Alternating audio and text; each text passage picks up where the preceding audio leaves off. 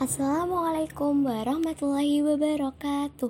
Jumpa lagi di frekuensi 94,8 FM Radio Kebanggaan MTSN 5 Nganjuk Yang tentunya semakin jadi udara abadi di hati.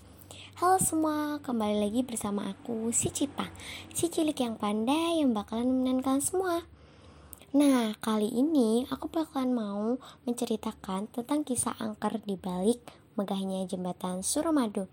Wah, menarik bukan? Kuy langsung kita bahas. Meskipun masih terhitung baru selesai dibangun pada 2009 lalu, jembatan Suramadu sudah kaya dengan cerita misteri. Satu-satunya jembatan antar pulau di Jawa ialah jembatan Suramadu. Jembatan ini menghubungkan Pulau Jawa melalui kota Surabaya dengan Pulau Madura. Meskipun masih terhitung baru, selesai dibangun pada 2009 lalu. Jembatan Suramadu sudah kaya dengan cerita misteri.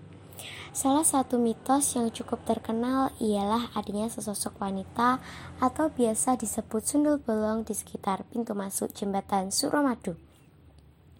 Perempuan ini berambut panjang dan mengenai baju terusan berwarna putih lusuh. Bahkan sempat terjadi beberapa kecelakaan tunggal yang kerap dihubungkan dengan penampakan sundul bolong di tengah jalan. Beberapa orang yang melintasi di jembatan Suramadu juga pernah mengaku bahwa jalan di sana bercabang dua. Nyatanya jalur di sana hanya ada satu. Alhasil pengendara yang salah jalan harus terjebur ke sawah warga. Beberapa kejadian misterius itu juga disangkut pautkan dengan pemindahan areal pemakaman di sekitar lokasi jembatan.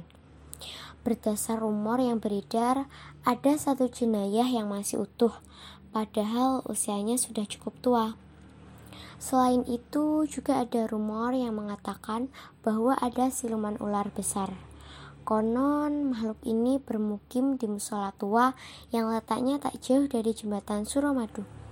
Keangkeran jembatan Suramadu bertambah setelah terjadi kecelakaan mobil pada September 2014 silam.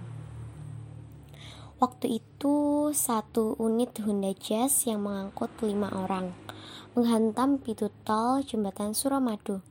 Alhasil, kelimanya pun langsung tewas di tempat. Ya, aku rasa waktu siaran aku udah selesai. Terima kasih atas perhatian kalian semua. Mohon maaf bila ada kekurangan. Wassalamualaikum warahmatullahi wabarakatuh.